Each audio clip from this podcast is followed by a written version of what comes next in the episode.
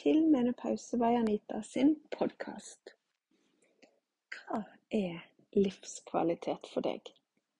Har du nok en gang satt deg ned og tenkt igjennom hva som har så stor verdi for deg at det går foran frykt, og det går foran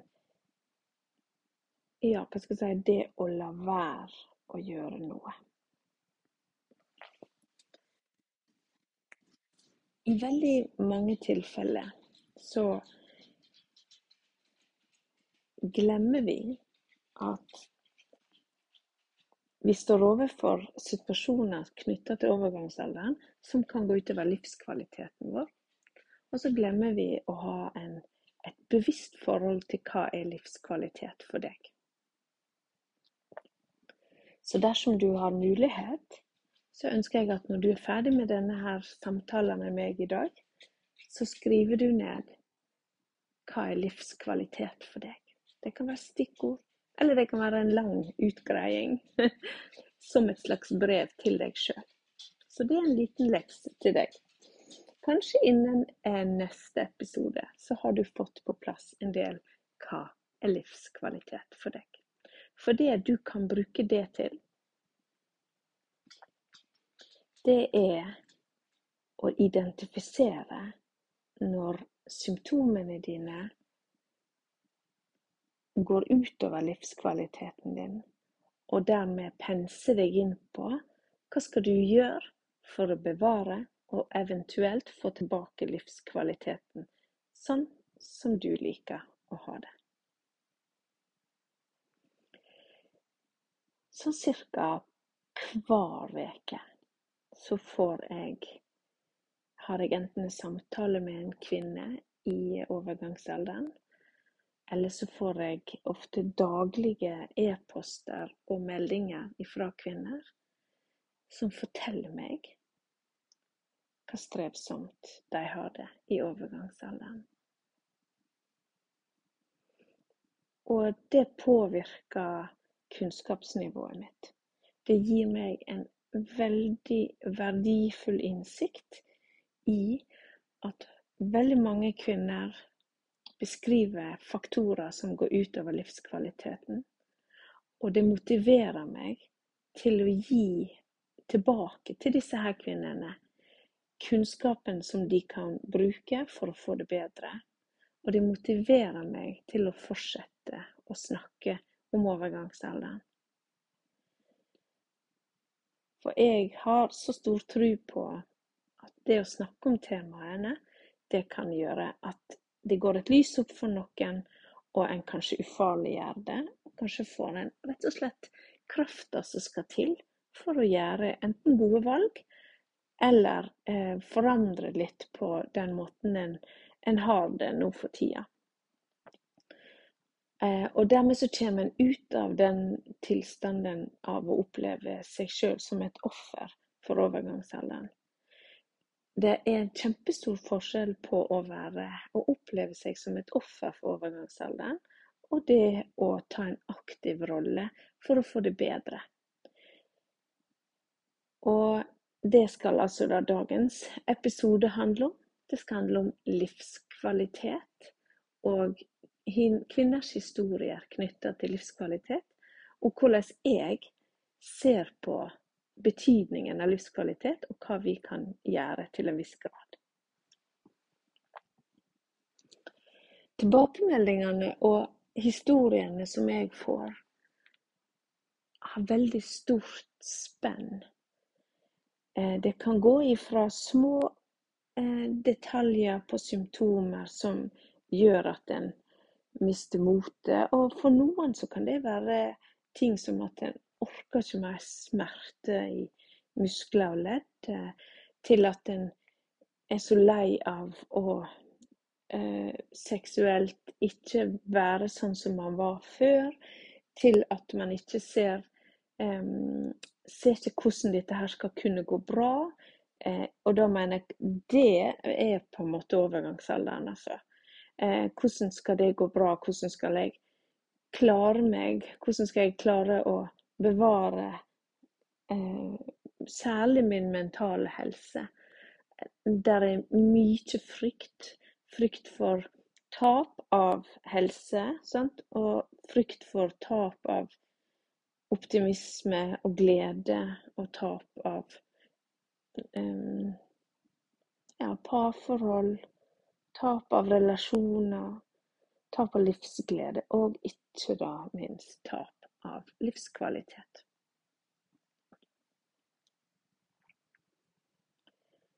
Og livskvalitet trenger ikke nødvendigvis handle om og fravær av sykdom. Akkurat sånn som definisjonen på god helse er ikke nødvendigvis fravær av sykdom men at en finner mening, at en finner gleder, og at en føler at livet ens har en verdi, akkurat sånn som det er. Og for meg, for eksempel, som har gjort den øvelsen som jeg ønsker du skal prioritere, hva er livskvalitet? Så har jeg så har jeg funnet ut at livskvalitet for meg er å ha en meningsfull hverdag. At jeg får lov å gjøre ting hver dag som gir meg eh, påfyll, og som gir meg retning, og som gjør at jeg får lyst til å stå opp om morgenen. Og da er det det å beholde håpet og det å beholde motet blir da viktige livskvalitetsindikatorer for meg. For meg, sånn som jeg har det nå, og med all takknemlighet for at jeg har de fleste organ intakt Jeg mangler galleblære, men hvem bryr seg om den? Så vil jeg si at på livskvalitet for meg er å få lov å bruke kroppen min, og få lov å bruke den til det jeg vil. Og jeg er Og ikke føler meg begrensa som følge av smerte eller ubehag eller frykt for å bruke kroppen. For det var en del av min realitet i perimenopause. Tørte jeg ikke bruke kroppen min. Fordi jeg var redd for å få en kink i nakken, ødelegge skuldrene mine en gang til, vondt i kneet, ødelegge ryggen. Um, for jeg fikk, jo, jeg fikk jo så store muskulære og skulle si leddproblemer, f.eks. Um, i perimenopause. Det, det har jo forsvunnet i veldig, veldig stor grad. Jeg må forholde meg til korsryggen min, men det, den, den, er der. Men han, han, er ikke en trussel for meg, sånn som kroppen min var et utrygt domene i perimenopausen min. Og livskvalitet for meg er å få å være til stede med barna mine, være til stede med mannen min og være til stede i, i at, at jeg klarer å konsentrere meg, at jeg klarer å fungere og at jeg har en relativt uh, grei forhold til stress, f.eks. Stress, det kommer, det går. Men opplevelsen av stress blir så annerledes når du, når du har en god kjerne av redskaper å bruke, og, et, og du på mange måter har, i minimum, da, god søvn. Du kan ta, tåle utrolig mye hvis du bare får sove lite grann. Så det var Det er mye, mye mer som virker inn på min livskvalitet, selvfølgelig. Eh, men det er det primære. Eh, sånn så mm, Ja.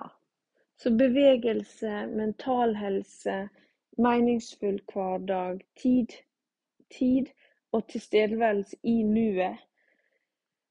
For meg er det livskvalitet òg det her med Altså innen det mentale så handler det jo om å få meditere og om å få kjenne på trygghet i kroppen og i, i hjernen. Så Frykt er for meg det motsatte av livskvalitet.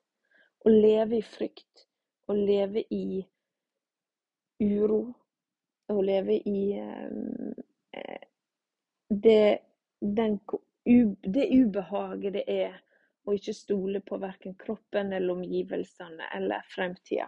Det er det motsatte av livskvalitet for meg.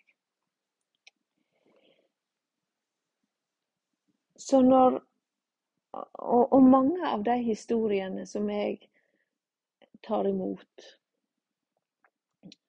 og jeg svarer på de fleste. Og hvis du er en av de som dessverre ikke har fått svar, så er det mest sannsynlig fordi har, jeg har blingset på det. Jeg får så masse meldinger at det kan hende jeg har blingset på en. Så ikke ta det personlig. Send den bare en gang til til meg. Men det er klart, jeg prøver å rute det sånn at jeg gir et kort svar, men disse gode, lange, kunnskapsrike svarene som jeg har så lyst til å gi hver enkelt av dere, det må jeg nesten rute videre til en privat telefontime med meg, som alle kan bestille når de måtte ville. Eller eh, medlemsportalen min som gir deg alt dette pluss, pluss. Um, Eh, men jeg prøver å, å sørge for at eh, kvinnene som kommer til meg, som rekker ut handa, blir møtt og sett og hørt. Og jeg blir litt rørt når jeg snakker om det, det hører du kanskje. Og det er fordi at jeg veit at der, bare i vårt lille land, så sitter altså tusenvis på hundretusenvis, etter mine beregninger, da, med kvinner som trenger støtte, og som trenger omsorg, og som trenger å bli sett og hørt og tatt på alvor, og som trenger å høre at det er ikke noe galt med dem. Det er ikke de som er svakelige, sykelige eller dårlige på noe vis. Det kan være overgangsalderen som har tatt sin tørn, og du kan få det bedre.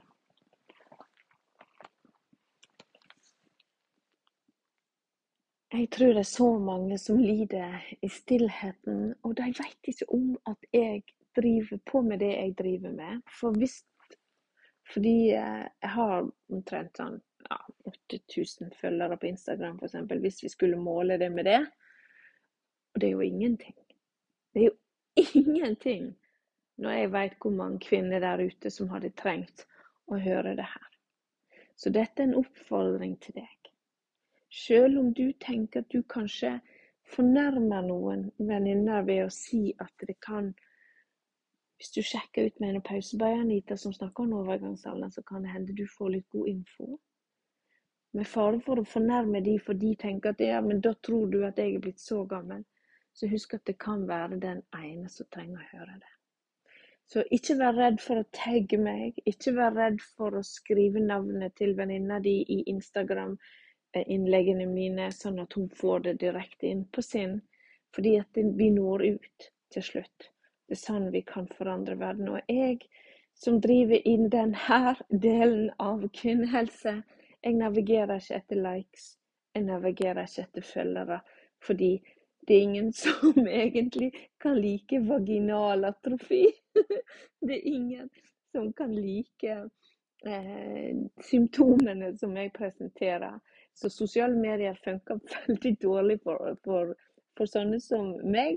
Men det kan allikevel være en, en veldig fin, anonym måte for din venninne å få kunnskap om overgangsalderen. Eller din Skulle jeg si eh, Ja, de som trenger å høre det, da. Så det er min lille ekstra utfordring i dag. Se om du kan bidra inn til at akkurat ei får vite det som hun trenger å høre i dag. Fordi det handler om livskvalitet.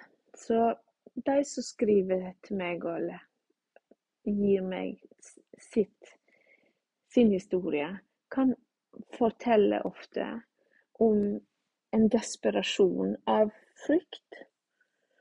Og da handler det om at de føler at eh, livet deres har tatt en vending som de ikke hadde forutsett. Livet deres har tatt en vending i en retning som de ikke liker. De kjenner ikke igjen seg sjøl. Det er en veldig vanlig beskrivelse. Den ser jeg hver eneste uke. Kjenner ikke igjen seg sjøl. Har ikke har ikke redskapene de trenger. Og det, det, er jo ikke ordene de bruker, det er jo sånn jeg tolker det. Men det er jo ikke å kjenne igjen seg sjøl. Det å oppleve at eh, en kommer til for kort med det en med, med sånn som en styrer livet sitt, det føles sånn. Eller at de er redd for at mannen skal gå ifra dem. De kan være redde for at de skyver barna sine fra seg fordi de kjenner på så voldsomt humørsvingning, så voldsomt sinne og irritabilitet. De føler at de sin verste utgave. At de nesten ikke kan stå inne for måten de oppfører seg på, eller måten de opplever seg sjøl på. De er lei av å ha smerte, f.eks. i muskler og ledd. De er lei av å ikke klare å konsentrere seg og følge med. De er lei av å føle på en tilstedeværelse av utilstrekkelighet i nesten alt. Før likte de å lage mat, nå interesserer det dem ikke. Før følte de at de kunne iallfall ha god kontroll over god system på heimen, Kanskje de trivdes med husarbeid inntil viss grad. Kanskje lørdagene var ikke så ille fordi at en hadde en står opp, en vet at en skal gjøre en innsats for familien. Nå interesserer det en ikke. Det å miste interessene sine, det å miste vanene sine, kan vi godt si da. Det å miste det som før var energigivende, det går så utover sjøltilliten Det går så utover sjølfølelsen. En har kanskje ikke energi. Det er veldig mange som forteller jeg har ikke energi, orker ikke trening mer. Um, og det å føle på et energitap, det er jo vel og greit i en periode, sant? men å kjenne på det dag ut, dag inn, uke etter uke, måned etter måned, over i år, det gjør noe med sjølfølelsen, og det gjør noe med livskvaliteten.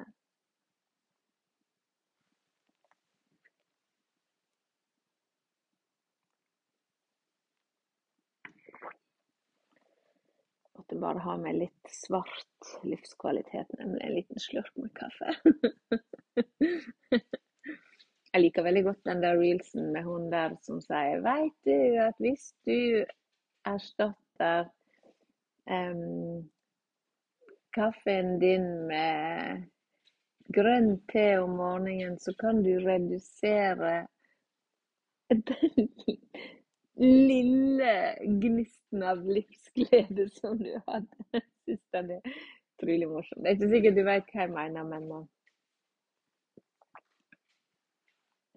Men den iallfall. jeg får kanskje referere til den i, på Instagram. Ja. Uansett. Uh, det var en digresjon, og digresjoner er alltid det. Det er en liten, uh, en liten skikkelig avstikker. Eh, så hvor var jeg? Jo, jeg var jo fortelle at eh, historien til kvinnene rører meg, og at dette her er noe av de, det de forteller de strever med. Eh, mange opplever seg alene og ensomme i å oppleve det her. Som om Og nett, det kommer nok mest sannsynlig av at det er for lite åpenhet i samfunnet vårt og det er en stigmatiserende eh, dialog i omkring overgangsalderen som, som jeg vet veldig mange eh, gjør at samtalene bare slutter umiddelbart. Jeg skal gi deg et eksempel. Det er da venninnene som Der den ene venninna prøver å fortelle om ens opplevelse knytta til symptomer. Alt fra søvn til mindre sexlyst til mindre glede. Og så blir en møtt med um, Og at en kanskje det, tror det kan handle om overgangsalderen. Og så blir en møtt med at eh, Nei, vet du hva, du kan ikke skylde alt på den der overgangsalderen. Og, nei, det, her er det om å gjøre bare å ta seg litt sammen. Og, eh, og jeg har jo ikke de problemene. Og nei da, ingen, eh, ingen, i vår familie har sånne problemer, eksempel. Um, så sånn er det med oss òg. Du må bare spise bedre og trene litt mer. Og, nei da, nå må du ta og tenke litt positivt. Det punkterer samtaler, og det hører du jo. Du hører jo det umiddelbart. At en sånn, en sånn respons på noe som en trenger å få litt støtte og samtale om, det bare, det, da stopper det helt opp. Og jeg vet at veldig mange blir møtt sånn. Og særlig kanskje fordi at en, en, en, en, er, en er usikker på om en skal ta til motmæle mot sånt. En punkterer det, en sier ja vel, ja greit, og iallfall ikke deg jeg kan snakke med det om, inni tenken inn i sitt eget hode. Og så lar man det bare ligge. Istedenfor å, å, å kunne ta det opp som at kan det være at det synet du har der, kun stemmer for deg? Kan det godt være at jeg opplever overgangsalderen sånn som jeg gjør det, uten at det skal handle om at jeg er negativ, eller at jeg ikke spiser fint nok eller godt nok, eller at jeg ikke trener nok. Hva hvis det viser seg at dette her er ikke meg som er sykelig eller svakelig, men at overgangsalderen er forskjellig, og at noen har det eh, såpass eh, påvirkende at det er helt betimelig at jeg letter mitt hjerte overfor deg på disse her symptomene. Og jeg håper ikke du får de samme symptomene, men det å få lov å debattere det og snakke om det, det ville være en god støtte. For eksempel. Og livskvalitet um, handler òg om å anerkjenne hva som er livskvalitet, og faktisk med rette kunne få lov å søke løsningene som kan gi bedre livskvalitet. Og da Eh, begynner jeg med det som jeg syns er overordna her. Så gitt at altså For mitt tema er da overgangsalderen. Så gitt da at vi anerkjenner at for noen kvinner, og tallet antall kvinner, vet vi noenlunde om enkelte symptomer, men ikke alt. Sånn at her kan det være veldig mange mørketall. Men to tredjedeler har altså da moderate til sterke plager knytta til overgangsalder. Og da er greia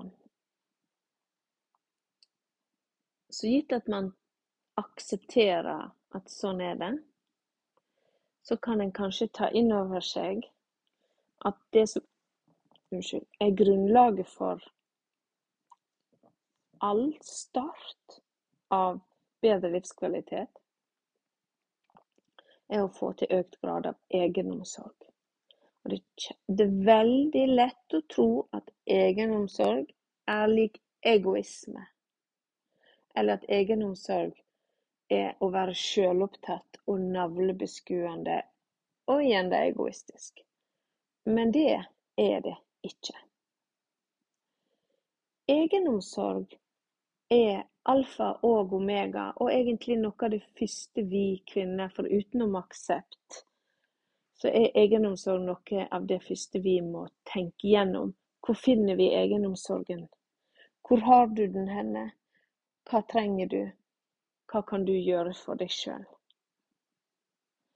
Og, og så i egenomsorg så kan du leite fram hva er det som holder meg hva er det som holder meg igjen ifra å yte litt mer egenomsorg? Er det, er det tid? At jeg har ikke tid til egenomsorg? Er det, er det mangel på innspill på hva er egenomsorg for meg? Har du, har, du, ikke fått anledning til å tenke skikkelig gjennom det? Er det manglende, manglende interesse for å drive egenomsorg? um, Hva, hva er det som holder deg tilbake fra å gi deg sjøl god egenomsorg? Er det økonomi? fordi du tenker at egenomsorg er, er, er, er ting som koster penger.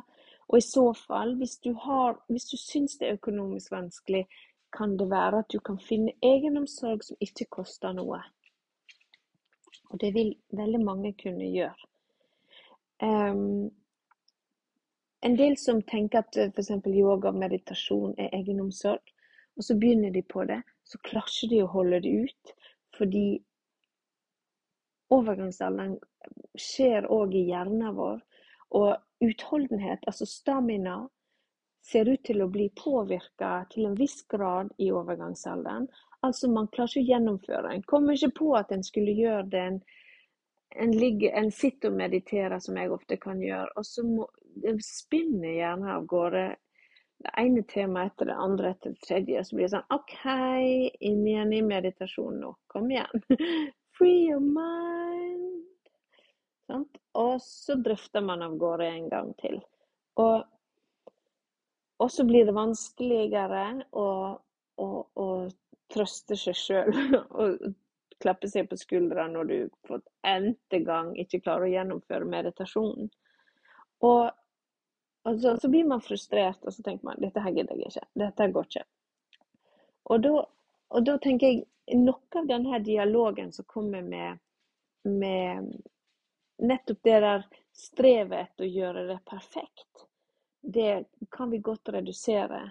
Og bare det å trappe ned på den dialogen er egenomsorg. Ser du det? Så der hadde du allerede gjort noe godt. Eh, og det å gi seg sjøl Jeg tror jeg nevner det her vet ikke, nesten hver episode. Det å gi seg sjøl litt slack, det er en del av egenomsorg. Så det kan jo handle om å, å ta det som andre ville kalt snarveier i forhold til det perfekte. Det handler om å si at sånn er jeg nå, sånn gjør jeg det. Fordi det er egenomsorg. Det er ikke feil å sette seg ned og strikke hvis man trenger å roe seg ned. Kjenner man økt puls, kjenner man en uro, OK, sett deg ned og strikk. Er ikke egoisme. Drit i oppvasken. Oppvasken kan ta seg sjøl, eller den kan delegeres, eller er ikke det mulig, så kan den iallfall utsettes litt. Det er, ikke, det er ikke feil å ta en timeout. Ta fem minutts pause der du er nå. Så dere skjønner, egenomsorg er kjempeviktig. Og ikke dårlig samvittighet for at man prioriterer egenomsorg. Neste ting på agendaen når det gjelder livskvalitet, er òg kunnskap. Og da tenker du Hæ? Hva mener hun med det? Jo, jeg får jo ofte meldinger om at 'Anita, jeg er helt desperat. Jeg, jeg er på bånn. Jeg syns livet mitt er vanskelig. Orker ikke ha det sånn. Nå har jeg hatt det sånn i flere år, og jeg ser ikke noe ende på det. Og jeg har vært hos legen min, og jeg har fått en resept på um, f.eks. Um, hormonterapi. Men jeg tør ikke begynne på det fordi jeg er redd for blodpropp, jeg er redd for brystkreft, jeg er redd for pumpe eller forpilt, og jeg er redd for mamma mi som sa at jeg må aldri gå på det fordi nabokona, veit du, hun fikk. Og, så videre. og sånn der er sånne historier som vandrer fra kvinne til kvinne, fra generasjon til generasjon av frykt. Jeg tør ikke putte det på kroppen min eller i kroppen min. Hva skal jeg gjøre? Og det er jo Jeg kan jo ikke svare på det. I utgangspunktet så kan jeg ikke svare på det, fordi jeg vet ikke noe om den enkeltes helse. Men jeg forstår spørsmålet. Jeg forstår at her er ikke det nok informasjon som er kommet forbi smerten av uro. Det er klart at 15 minutters legetime gir deg ikke nødvendigvis noe eh, inngående informasjon som du trenger for å få eh, trygghet. Trygghet kan det hende det krever vesentlig mer informasjon før du får. Og det er jo ikke fastlegeordningen eh, eller gynekologordningen eh, klar for. Og Derfor så mener jeg at det offentlige burde jo ha et støttesystem, burde jo ha informasjonssystem som gjør at om ikke du fikk nok info til å være trygg i valget ditt om å begynne på hormonterapi, ja, så må noen kunne bidra inn. Foreløpig så bidrar jeg inn. Jeg gir forskningsbasert, nøytral informasjon basert på fakta om hormonterapien. Jeg tar ikke nødvendigvis din personlige helse i betraktning, eh, med mindre den er helt eh, åpenbar eh, som at som, som vil være en del av kunnskapsnivået mitt og min, min forpliktelse som helsepersonell. Men utover det så kan jeg gi masse nøytral informasjon om hva er risikoer, statistisk sett. Og det gjør jeg jo aller helst i en privattime, eller på medlemsportalen, eller på kurs. Men det som er poenget her, det er at ved å bruke og investere f.eks. i i et lite dykk ned i hva sier forskningen, hva sier, hva sier faktaen, så kan en komme forbi frykten for hormonterapi, komme seg over i fakta, og så kan en ta et godt informert valg. For selv om man kan ha sant? Man er jo kanskje blitt 50-ish, midt 40-ish og skal begynne på hormonterapi. Det er klart at denne kroppen har jo vært ute en vinternatt før. Der er jo risikoer. Det sto f.eks., husker jeg, i min betraktning at kvinner med um, gallesykdom skulle være forsiktige enkelte, med enkelte hormonterapipreparater. Men det som er, det er at det var først når jeg begynte å sjekke det ut og forstå at å ja, det er jo av helt åpenbare grunner hvis det er noe leversykdom inne i bildet, eller hvis man eller hvis, sånn at man, ehm, man, skal utøve forsiktighet. Og at hvis man tar det f.eks. gjennom huden, så er det en helt annen risikobilde. Så hvis man ikke får kunnskap som passer til ens egen helse, så blir det jo en uro fordi man rett og slett ikke forstår og ikke klarer å se. Eh, og jeg har en hund som har så lyst til å prate med meg. Ja, har så lyst til å prate. Jeg har en lagotto, det er en italiensk vannhund. Er veldig sosial når han er på ettermiddagene. Men nå sitter jo jeg og prater med deg, kjære medqueen, så da får du bare beklage den pipinga hvis du hører det. Men han får litt, får litt sånn belly rub mens jeg prater med deg. ja, så det å få tilbake livskvaliteten sin gjennom kunnskap, det tror jeg er fullt mulig. For hvis man da får kunnskap, så vil man jo se at det er jo for de aller fleste kvinner som er under 60 år, og som det er mindre enn ti år siden sist menstruasjon, altså at man er den yngre aldersgruppa for bruk av hormonterapi. Hvis man er frisk, så er fordelene større enn ulempene. Og Det betyr jo at en, en er nødt til å få det, En er nødt til å få dissekert den påstanden og den kunnskapen, og få den til å passe for seg sjøl, bli trygg og tenke hva risikerer jeg her nå? Hva hvis det du risikerer er å få tilbake livskvaliteten din? Da er ikke det noe risiko, da er det jo en fordel.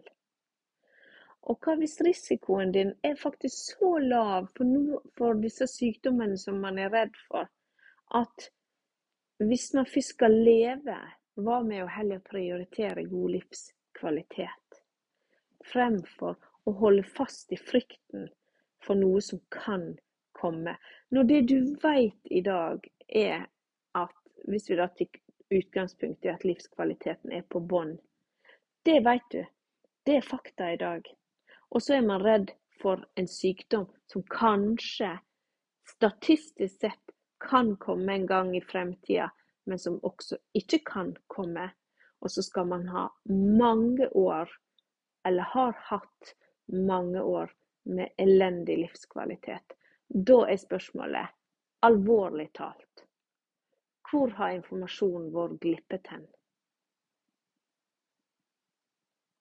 Og sånn.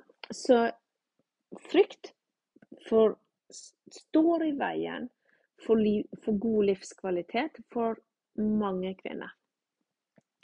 Det kan òg gjelde frykt for kroppen, eller frykt for å ta imot hjelp.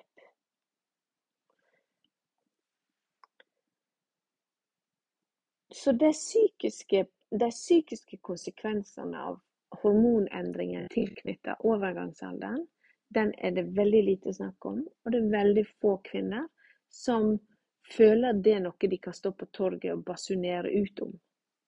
Så dette blir veldig privat. Det blir holdt veldig igjen. Man kjenner på skam, og man kjenner på en utilstrekkelighet. Og det mener jeg gir også grobunn for mer frykt. Så litt den her eh, å frigjøre seg sjøl ifra historiene og fortellingene om hvordan man er nå, og si at hva, hva hvis du ikke trodde på frykten? Hva hvis du ikke trodde på den historien du driver og forteller deg sjøl, men turte å sette livskvalitet foran, og tørte å sette deg sjøl foran? Kanskje det å gå en rask tur, 30 minutter hver dag, da gjerne, aller helst. Hva hvis den frykten for at det kommer til å ta energi fra meg, eller det ikke hjelper, frykten for at det hjelper ikke, kommer ikke til å gå, jeg kommer bare til å skade meg, jeg kommer til å få strekke en eller annen legg, kommer til å bare ha vondt histen og pisten. Hva hvis du ikke trodde på det? Men hva hvis du heller trodde på at nå går jeg denne turen, og jeg går den akkurat så fort som jeg vil, for dette her er min egenomsorg, dette er min livskvalitet. Jeg vil meg sjøl så godt. Hva hvis du driter i å tenke at du ikke kan unne deg det du ønsker å unne deg, enten det er materialistiske ting, eller det er mat, eller det er lykke. Veldig mange kvinner går rundt og tror at de ikke fortjener lykke. De fortjener ikke å ha det godt, og det breaks my heart. Altså, jeg er ikke, jeg er ikke, jeg er ikke uten skyld i det der sjøl. Um, så jeg snakker av erfaring. Det er en lang vei å gå å få til jeg, jeg, Og jeg fortjener å føle meg bra. Du vet den der reklama 'fordi du fortjener det'. Det er egentlig litt sånn frekt. For den har den treffer oss liksom på en soft spot. For veldig mange kvinner føler at de ikke fortjener å ha det godt, eller det er deres egen feil at de sitter vet, Din egen lykkesmed. Altså, det er masse mange sånne uttrykk som vi har vokst opp med, og som jeg er litt, litt usikker på om de er blitt misbrukt. For man er bare sin egen lykkesmed til en viss grad. Jeg kan ikke styre hvorvidt jeg hadde alle symptomene i gata på overgangsalderen. Det var ikke som om jeg Slik man reder, slik ligger man. Hvor masse skyldspørsmål ligger, og skam og sjølpisking ligger ikke bak disse der ufattelig teite uttrykkene? Hva hvis vi ikke trodde på disse uttrykkene? Hva hvis vi sa nei, det skjedde meg, det var uflaks da, men eh, nå eh, tar jeg og gjør sånn istedenfor. Og, og hvis vi bytter ut, uh, bytter ut hvorfor Hvorfor skjedde det meg? Hvorfor er det sånn? Hvorfor får ikke jeg mer energi? Hvorfor, hvorfor måtte jeg havne her? Hvis du bytter ut ordet 'hvorfor' med 'hvordan' Ikke hvordan jeg havnet der, eller hvor Nei, nei, nei, nei. nei men bytte ut hvordan med Bytte ut hvorfor med hvordan kan jeg gå fremover nå? Hvordan skal jeg få det bedre? Hvordan skal jeg gjøre det her? Legg en plan. Han trenger ikke være stor, han kan være den neste timen. Min plan hvordan jeg skal få det bedre. Jeg skal faktisk Nå, bare leter jeg gjerne med etter en litt sånn artig um, En artig ting som jeg brukte å gjøre, og som jeg ikke gjør så ofte lenger. Jo, jo, faktisk. Jo, her er min lille plan. Den neste halvtimen så skal jeg faktisk lese et interiørblad. Det elsket jeg å gjøre før. Ikke det at jeg levde i et interiørhjem. Eller alle har jo interiører, så det var en, sannhet med visse modifikasjoner. Men det jeg mener at eh, jeg fikk hvilepuls av å lese interiørblad. Jeg drømte meg så vekk i det estetiske, det rene, det ryddige. For det så jo ikke ut. Det ser fremdeles ikke ut. Men nok om det. Så jeg hadde nytelse av det. Jeg fant velvære og nytelse i det. Så det kunne jo være en plan. Nå skal jeg bruke en halvtime. Jeg skal ikke ha dårlig samvittighet for noen ting. Jeg skal kose meg med et interiørblad. Eh, eller sånn som jeg har merka at jeg i mye større grad gjør nå enn jeg gjør før. Nå skal jeg bevege meg til musikk. Jeg, jeg er jo utdannet aerobic-instruktør. Det er ikke så mange som vet om. og mye av grunnen til at jeg utdanna meg til det, var fordi at jeg elsker å bevege meg til musikk. Så jeg trener jo hjemme. Jeg trener der jeg kan. For meg er ti knebøy en treningsøkt. Og hvis jeg kan gjøre det til Justin Bieber sin 'Sorry', så er det livskvalitet. Og, jeg gjerne, og det her med de små øyeblikkene, og så dvele ved deg. det lærte jeg av en veldig, veldig klok kvinne. Og det er det jeg skal runde av med i denne sessionen her. Nemlig det at når du finner nytelsen, når du finner velvære, når du finner den, den gode, gode følelsen langt ned i kroppen din av et eller annet som bobler av glede eller yrhet eller tilfredsstillelse eller nytelse eller velvære fordi du har gjort noe godt for deg sjøl, så dvel ved den. Vær i følelsen lenge. Ta det inn. Kjenn etter.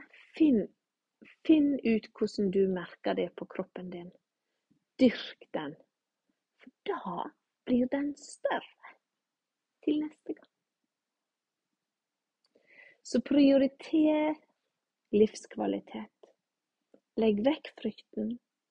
Ta kontakt med meg hvis du vil ha mer kunnskap, mer hjelp, mer empowerment. Jeg hjelper deg, og ditt liv er så verdifullt, og verden trenger akkurat deg. Så stay put og prioriter livskvalitet. OK. Takk for i dag. Ha det godt. Og du, øk egenomsorgen. Klem fra Anita.